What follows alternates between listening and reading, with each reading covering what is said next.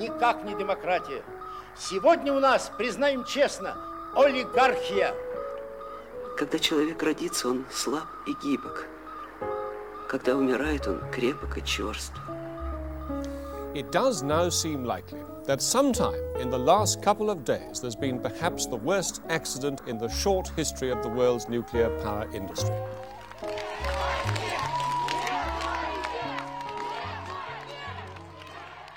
Kæri hlustendur, þáttaröðin Rús er hálnuð.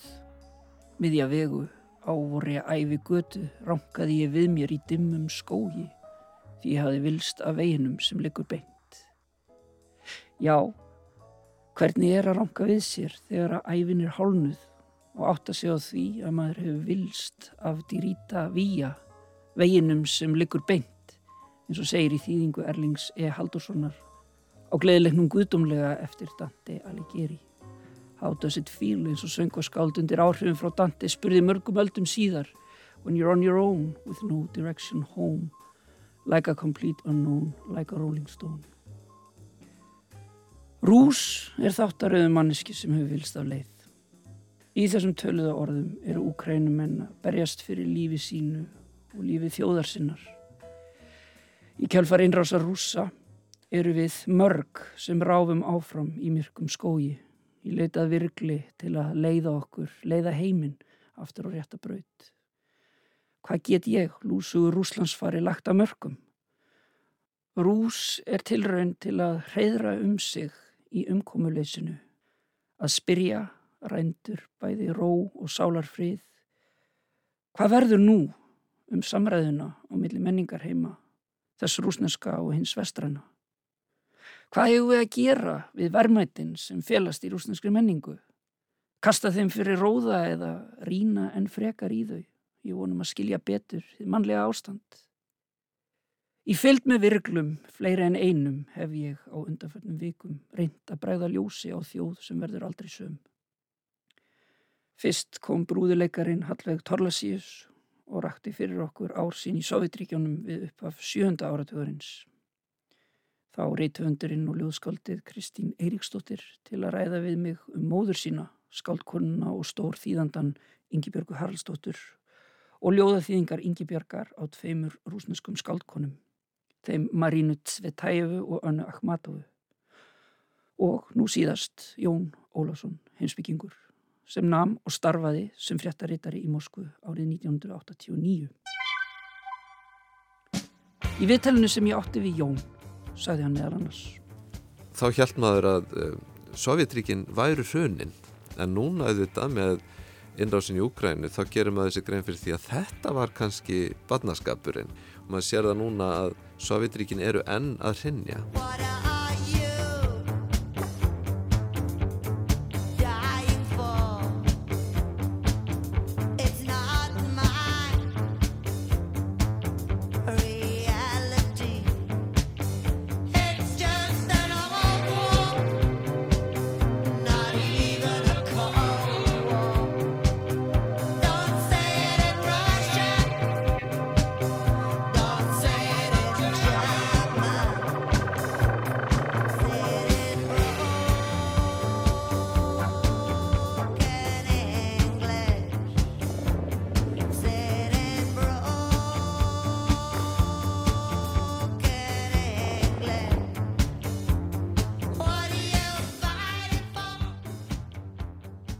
Hvað á betur við en að hlusta á Marian Faithfull syngja Broken English titillags samnendrar breyðskjöfu á árinu 1979 á meðan við meldum orð Jóns Ólafssonar um að Sovjetríkin séu enn að rinja.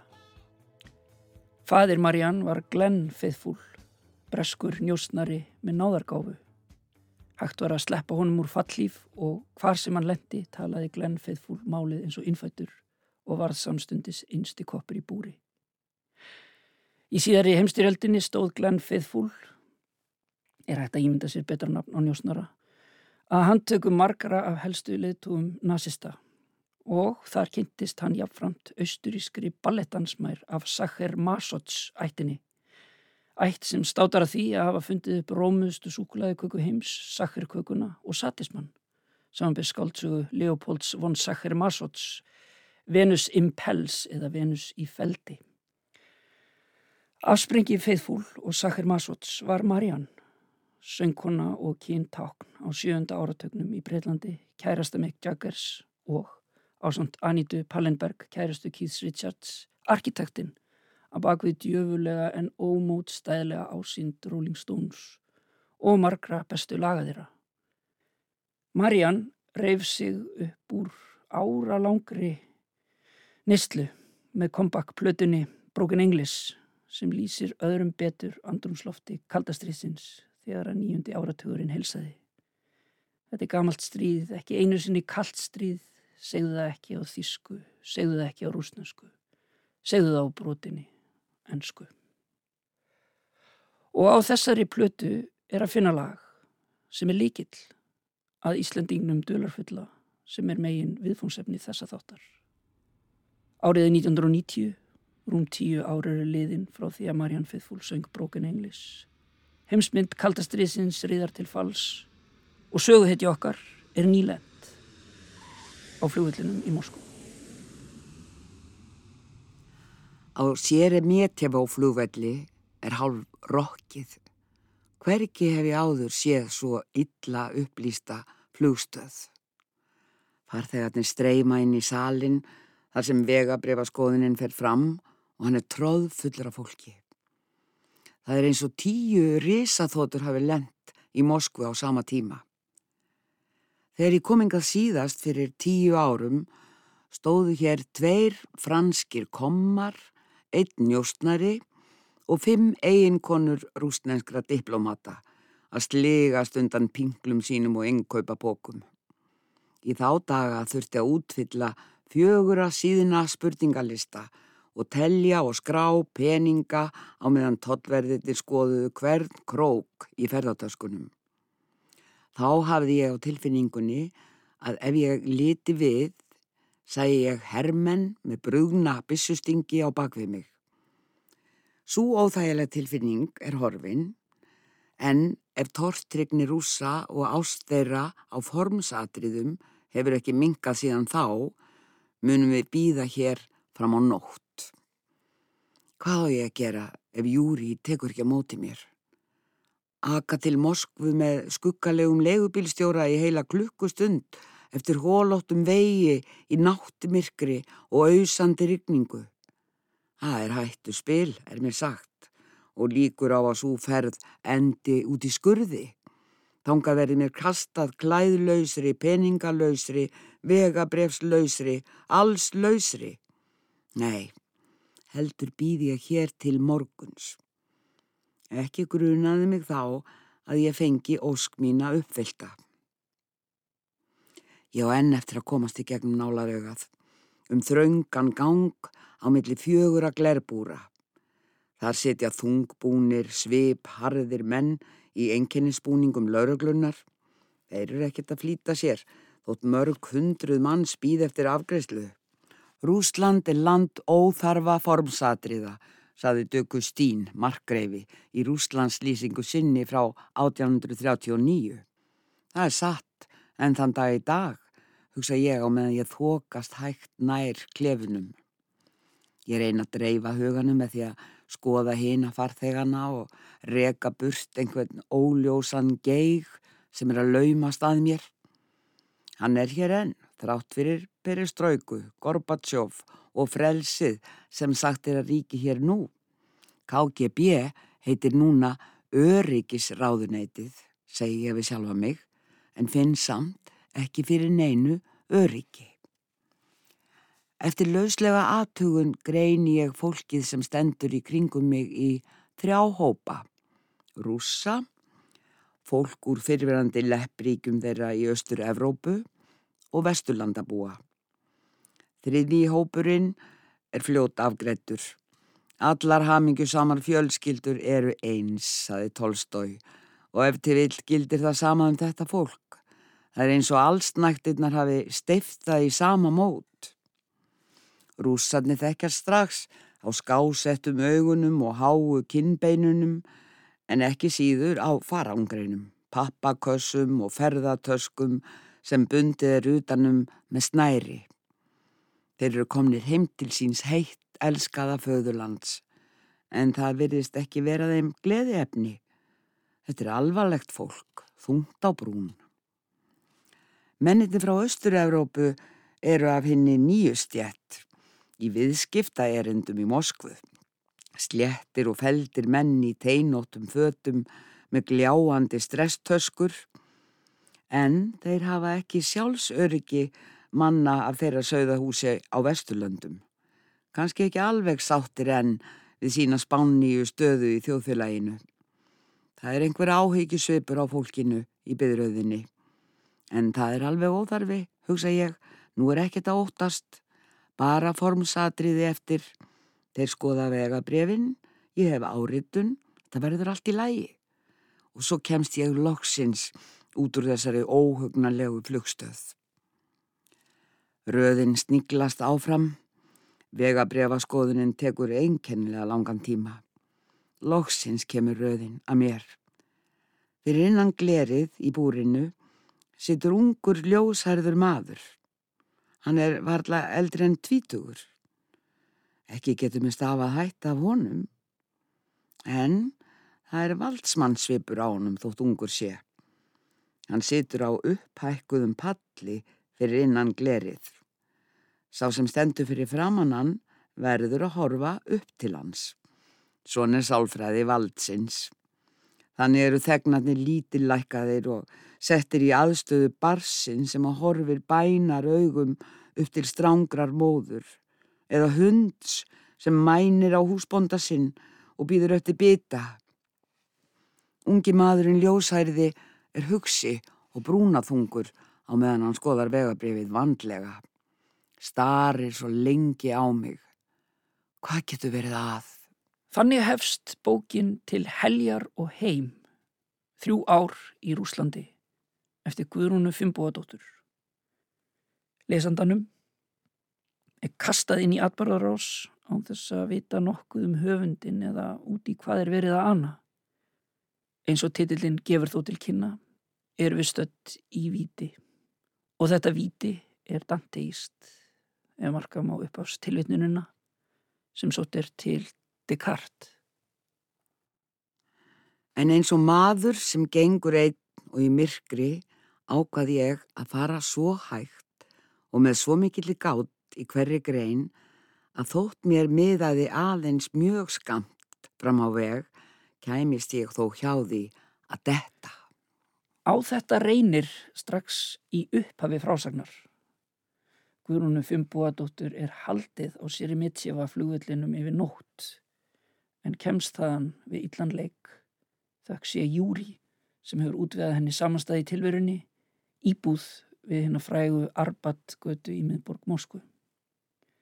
Þar verður hún partur af óborganlegum og sjálfsíðum hópi, bóhemalífi í Moskvu, millir þess sem hún er á vettfangi þegar að margir af líkil atbyrðunum í hruni Sovjetríkjana eiga sér stað. Ógleimanlega er til dæmis lýsingarnar af síðasta byltingaramælinu á Rauðatorkinu. Hún tekur viðtöl við ótrúlegasta fólk. Almúamenn, frægari töfunda á borðið Viktorju Tókarífu og nær týræða Anastasíu Tsvetæfu, yngri sýstur, skálkonunar Marínu Tsvetæfu sem kom aldeilis við sögu í þættinum um ljóðaþýðingar Yngibjörgar Hallstóttur. Dregnar eru upp ljós lifandi myndir úr rúsnesku þjóðlifi og áleiktaninnar sem Guðrún dregur um rúsnest þjóðaræðli á þeim krossgötum sem Rúsland var á við hrun Sovjetríkjana eru skarpar og afhjúbandi. Rúsland er bæði dásamlegt og ægilegt, ekki alveg í sömu andrá en Það lætur nærri. Þrjár krettur hafa fyllt rúsum í gegnum aldirnar. Sumir hafa notfært sér þær. Engum hefur tekist að hveða þær niður. Svo fyrsta er ofur trúin á yfirvaldinu. Önnur að örbyrð og jafnbretti séu betri en ríkidæmi og misrétti.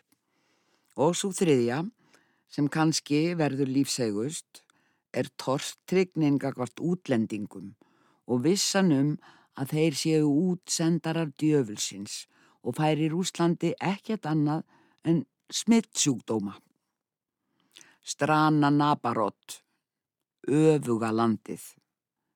Það er að býða eftir nýjum eigendum, alveg eins og þessi íbúð sem ég stend og horfi út um skítugar rúður með bylgjuðu gleri.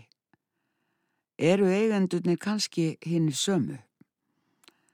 Nú er hið öfuga orðið rétt, það rétta öfugt. Hvar er réttan? Hvar er rángan? Ég veit það ekki lengur.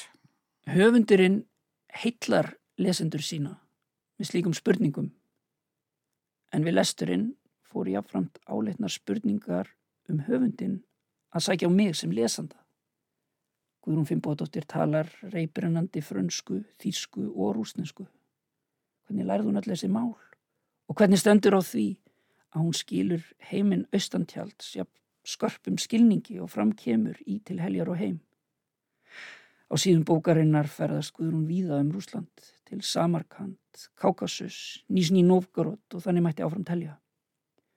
Hvað rak þessa miðaldra konu og hann af Íslandi til að ferðast eina til Rúslands og dvelja þar meir og minna í þrjú ár? Hvernig komst hún í tæri við allt þetta makalösa fólk sem líst er á síðum til heljar og heim? Bókin svarar engum af þessum spurningum. Þvert á móti eru allar þessar eyður í frásagninni listilega notaðar til að vekja forvitni lesandans. Guðrún Fimboadóttir fór í kjölfar Jóns Ólássonar til Sovjetríkjana. Svo bjart sinni sem Jón listi í viðtali síðasta þáttar er á hröðu undanhaldi þegar að hún kemur þongað. Eða er það kannski bara personleiki Guðrúnar sjálfrar? Ég er á leið til Kolomna með Júri. Bærin er aðeins 100 km fyrir sunnan Moskvu en samt tekur ferðin þrjár klukkustundir. Júri heldur á kvikmyndavélinni sinn í fanginu eins og litlu barni. Hér eru engar farangursgrindur, þótt ekki veitti af, fyrir allar körfurnar og kassana. Júri ætlar að gera kvikmynd um Novok og Lútvingklaustur, nýstopnað nunnuklaustur í Kolomna. Þetta er mjög merkilegt klaustur. Það er frá 14. öld en var lagt niður eftir byltingu. Það eru bara til þrjú nunnuklaustur í Rúslandi. Þetta er eitt af þeim. Það var endurreist fyrir þremur árum. Þú talar við nunnurnar og ferð þangað sem Karlmanni er ekki leift að fara. Júri fer í taugadan á mér. Það er erfitt að þóla homo sovjetikus til lengdar og Júri er af þeirri tegund. Þótt aldrei hafa hann verið kommunisti óþólandi eins og allir þessir karlmenn sem hafa verið andlega bældir alla æfi og fengu aldrei útrás fyrir valda þörf sína eða sköpunar þrá. Valdið var í óendanlegri fjarlægð, ósýnilegt, aldrei hægt að nálgast það. Þeir lág upp í sófa og gerði ekki neitt, gónd út í loftið og drukku vodka eða held í sér lífinu með stórmennsku brjálaðinu sem var ríkistrú. Við erum heimsveldi, við erum mestir, við erum bestir. Og með því að kúa þá sem stóðu lægra í kúnastiganum, konur og börn. Óþólandi leiðinleir menn sem aldrei segja neitt frumlegt, hafa ekki skoðanir, endur taka og tyggja upp eftir öðrum. En hvernig verður maður sem lifir aðeins helmingin af sjálfum sér? Undir meðvendundin var afnuminn með einu pennastriki. Engin sjálfstæð pólitísk hugsun leifileg, ástinn, tabú. Eina útrásinn heimspeikilegar vangaveltur, tilgangslausar, kvíslaðar tryggum vinum í eira yfir eldhúsborðið heima á milli tveggja vodkateiga. Það er ekki auðvelt að búa við einræði, lifa í því lokaða kerfi sem einræðið er. Í landi þar sem einræði ríkir er lífið óendanlega leiðinlegt. Það er um tvent að velja. Annarkvort lamast andlega eða flýja inn í tilbúin heim, upp login, inn í falst líf með ímynduðum hættum. Nú hafa þeir fengið frelsi til þess að láta í ljósi það sem þeim býr í brjósti, en þá kemur það í ljós sem hlaut að gerast. Það er ekkert eftir. Innra líf þeirra þornaði upp og skrælnaði í hinnu andlega eigðimerkur lofslægi. Lýsingar Guðrúnar á grunnorkunni, í þessu tilfelli líbidói Karlmannsins og hvað um þessa grunnorku verður í einræðis þjóðskipulagi eru enn eitt dæmið um eitur skarpa og kaltæðna afstöðu höfundar sem skoðar viðfársefni sitt úr fjarlægð sem ferðalangur en gjör þekkir það samt greinilega af einn raun. Hún og Júri koma í klaustrið á heitum sumardegi. Það gengur trælega að fá leifi til að kvikmynda og hvað þá að leifa Guðrúnu að verða eftir í klaustrinu. Hvæsandi allserjar babúskur hýrta Guðrúnu fyrir klæðabörð og hátalag en eftir jafl, jaml og föður verður hún eftir í þessu sveitaklustri og sagan tekur óvendastefnu. Messan stendur í fjórar klukkustundir. Eftir eina skoða ég enn að forvitni fólkið í kringum mig. Prestana, kórin, söpnuðin sem syngur með af innlifun og trúar hita, næstum því ofsa. Eftir tvær klukkustundir fer þreytanan á tökum á mér.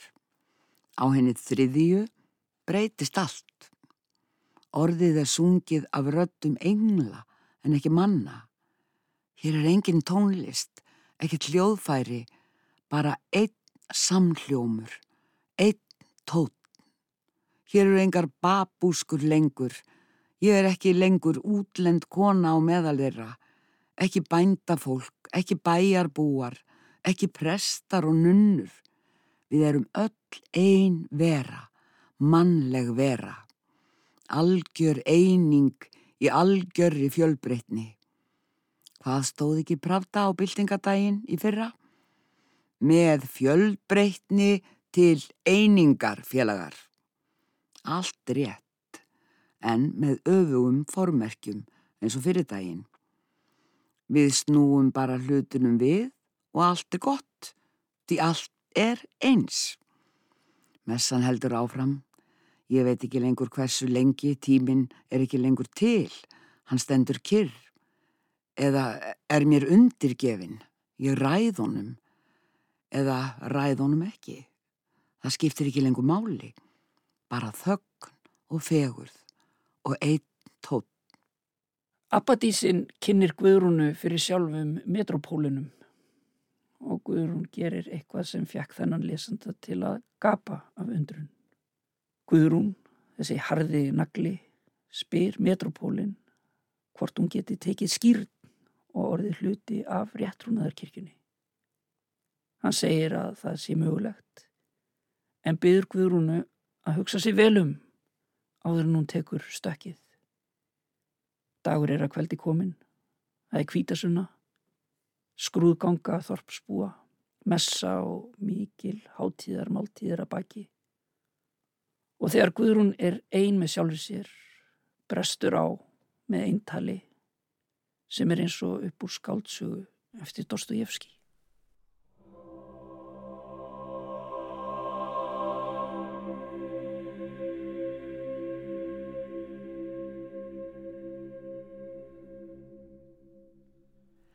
Sólinn er að lækka á lofti og allt er aftur kyrt í klusturgarðinum.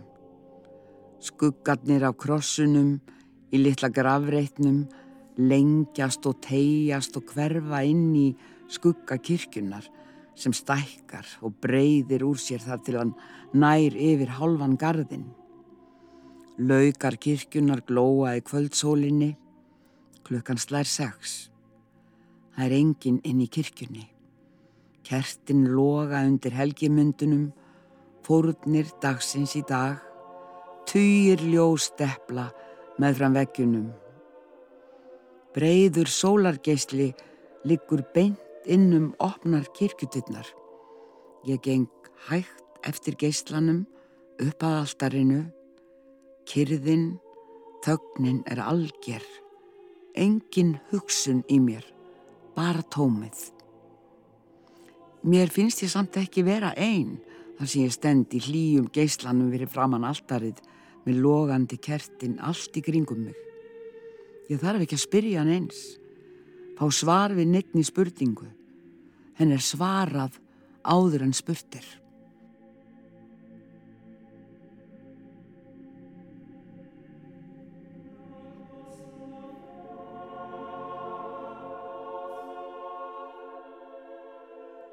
Óttastu ekkert. Það er svarið við öllum spurningum, líka þeim sem aldrei verða borðnar fram. Allt verður ljóst, skiljanlegt. Nú veit ég hvers vegna fólkið sem hér var í dag fjell fram og tilbað kúara sína. Nú veit ég hvers vegna ég ánetjaðist þeim líka. Helgimyndin á altarinu táknar upprisuna en hún sínir ekki krist stíin upp til himna, heldur niður til heljar. Án þjáningar, án fórnar, er engin upprýsa. Ekkert fæst án þjáningar. Þess vegna á ekki að forðast hana, losna við hana, heldur taka henni feginsendi og ganga í gegnum hana. Hún er hreinsunareldurinn í lifenda lífi. Ílskan Er hún ekki einmitt það að losa sig við þjáninguna og komin yfir á aðra í staðis að taka á sig þeirra þjáningu? Heimurinn er sjúkur af þessari ránkugmynd. Að koma sér undan áreinslu, að vilja ekkert á sig leggja er af sama stopni. Kærleikurinn er ekki þjáning en hann fæðist verður til með þjáningu. Kristur steg sjálfur niður til heljar. Stafar ekki græðkin og neyslusíkin af því að maðurinn vil fá allt árenslu löst. Hann víkur sér undan árenslinni og vil fá allt á silfurfatti, ókeipis, fyrirhafnalöst. Til þess þarf þræla og þrælaskipulag sem er allstaðar ríkjandi einhverju mynd. Til þess þarf tilgangslösa vinnu þrælana um alla eilífð. Hvernig eiga þeir að losna undan þeirri áþján? Með því að brjótast út úr búrinu, þar sem þeir æða í ringi algjöru tilgangsleysi, með því að gera byltingu og verða þar með þrælar tilgangsins og umbreytanleikans, hinnar endarlögu niðurstöðu. Kommunismin komst að heildar niðurstöðu fyrir þjóðfélagið, fyrir lífið, fyrir alla. Heildar niðurstaðan varð tilgangur þjóðfélagsins, tilgangur lífsins. Allt var miðað við tilgangin, við árangurinn. Fimm ára áætlun, kennarar, dæmdir eftir engunum nefenda. Læknar eftir því hversu marga þeir læknuðu. Verkamenn eftir framleiðslu. Framleiðslan var allt, magnið, ekki gæðin. Tannig átt að frelsa mannin undan áþján tilgangslaus erfiðis. Tilgangurinn helgaði meðalið. En dæmið var bara skakt reiknað. Þrátt fyrir hérna endanlegu heildar niðurstöðu eða einmitt vegna hennar, niðurstaðan var raung vegna trúarinnar á niðurstöðuna á árangurinn. Og aftur sá maðurinn að hann var eins og dýr í búri og aftur braust hann út úr búrinu, hver um sig og allir í senn. Prelsið, það er að losna við skilirðingu heimsins og höft, en ekki einn heldur í sambandi við aðra menn.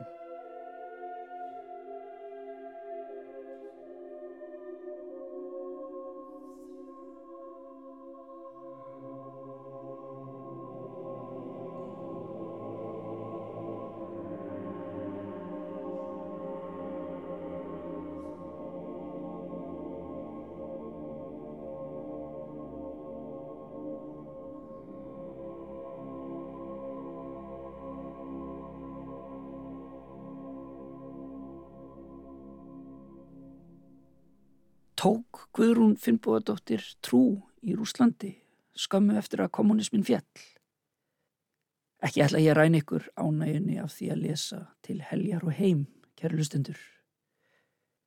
Ferðarsögur frá Rúslandi er frásagnagrein sem margir hafa spreitt sig á, frá Haldari Lagsnes til Vals Gunnarssonar.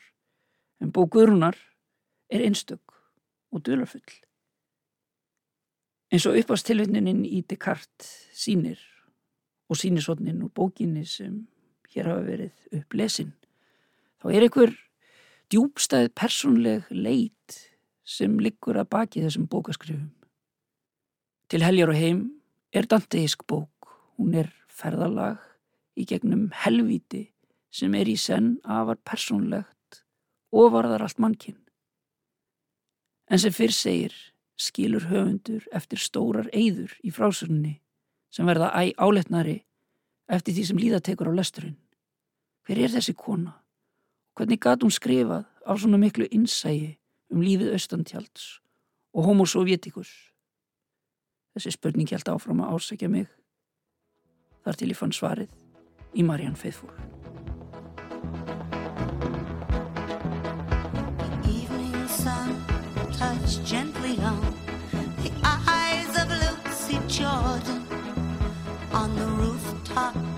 Where she climbed when all the laughter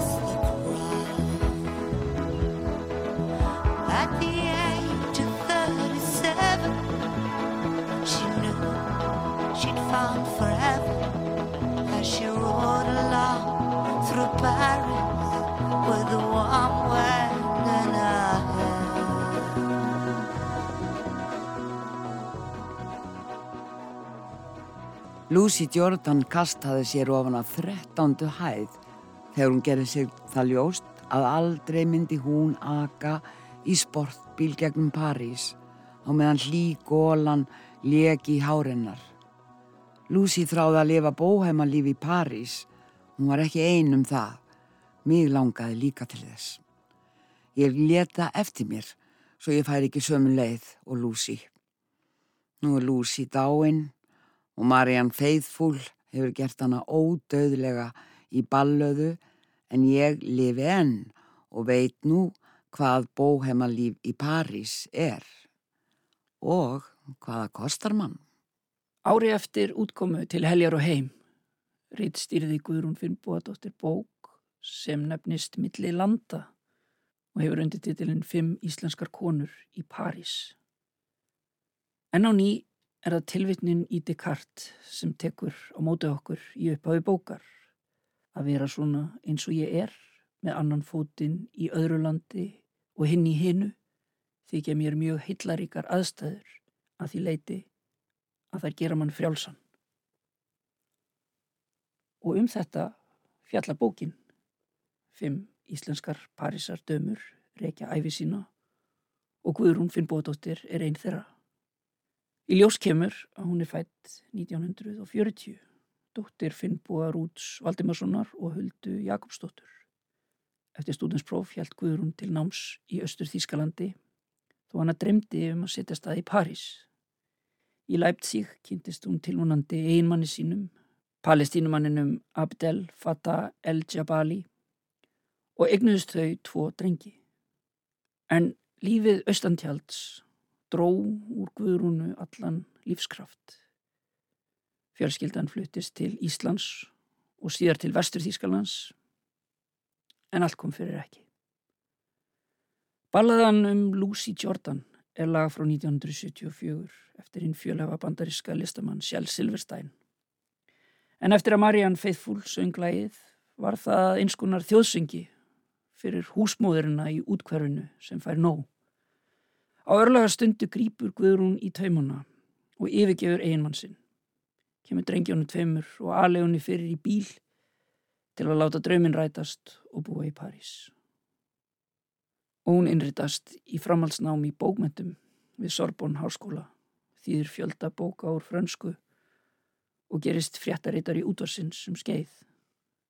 Og þegar fregnir berast að því að sprungur séu að koma í Berlínamúrin fer hún af stað, fyrst í Þískalands og þá til Rúslands, til þess að gera upp fortið sína og sjá með eigin augum fjötrana slitna sem heldin í viðjum áratugum saman.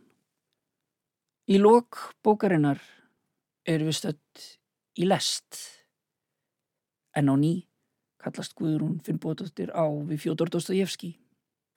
Um nýju leitið á hlákublautum morgni, seint í november nálgæðist Varsjárlestin Pétursborg á fullri ferð, segir í uppafsetningu skaldsögu Dostojevskis, fávitanum, frá 1868. Þá var lestin nýr ferðamóti, nýr lífstíl, ymriðin, hún var framtíðin holdi klætt, tákn, innbyltingar og framfara. Það var í lest sem Lenin kom frá Sviss.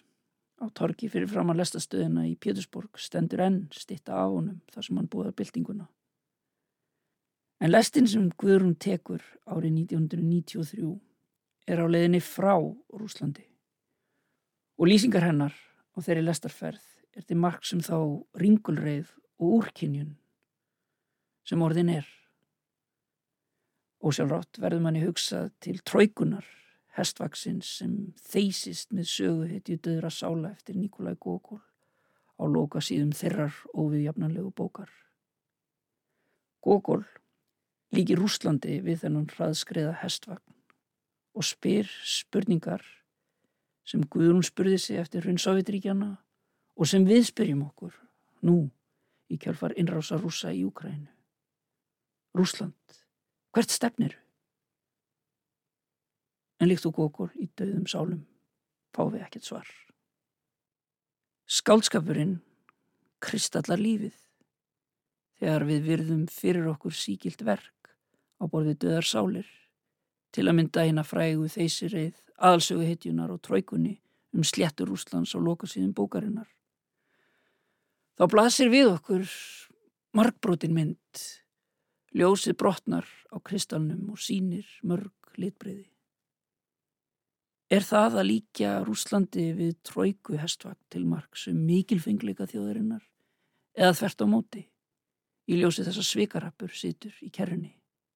Það eru þarna undirleikjandi ströymar, miklu dýbri og dekkri sem var aldrei tekist ávið og vörn rúsa þegar að ríki fellur, því að Sovjetríkin voru ríki rúsa, er að upphefja menningu sína og sógast inn í þennan ofbóðslega skrítna og gamaldags þjóðverðnis oflæti sem að, að ég held að eigi mjög ríkan þátt í því uh, hvernig uh, síðan mál gagvart Úkrænu hafa þróast.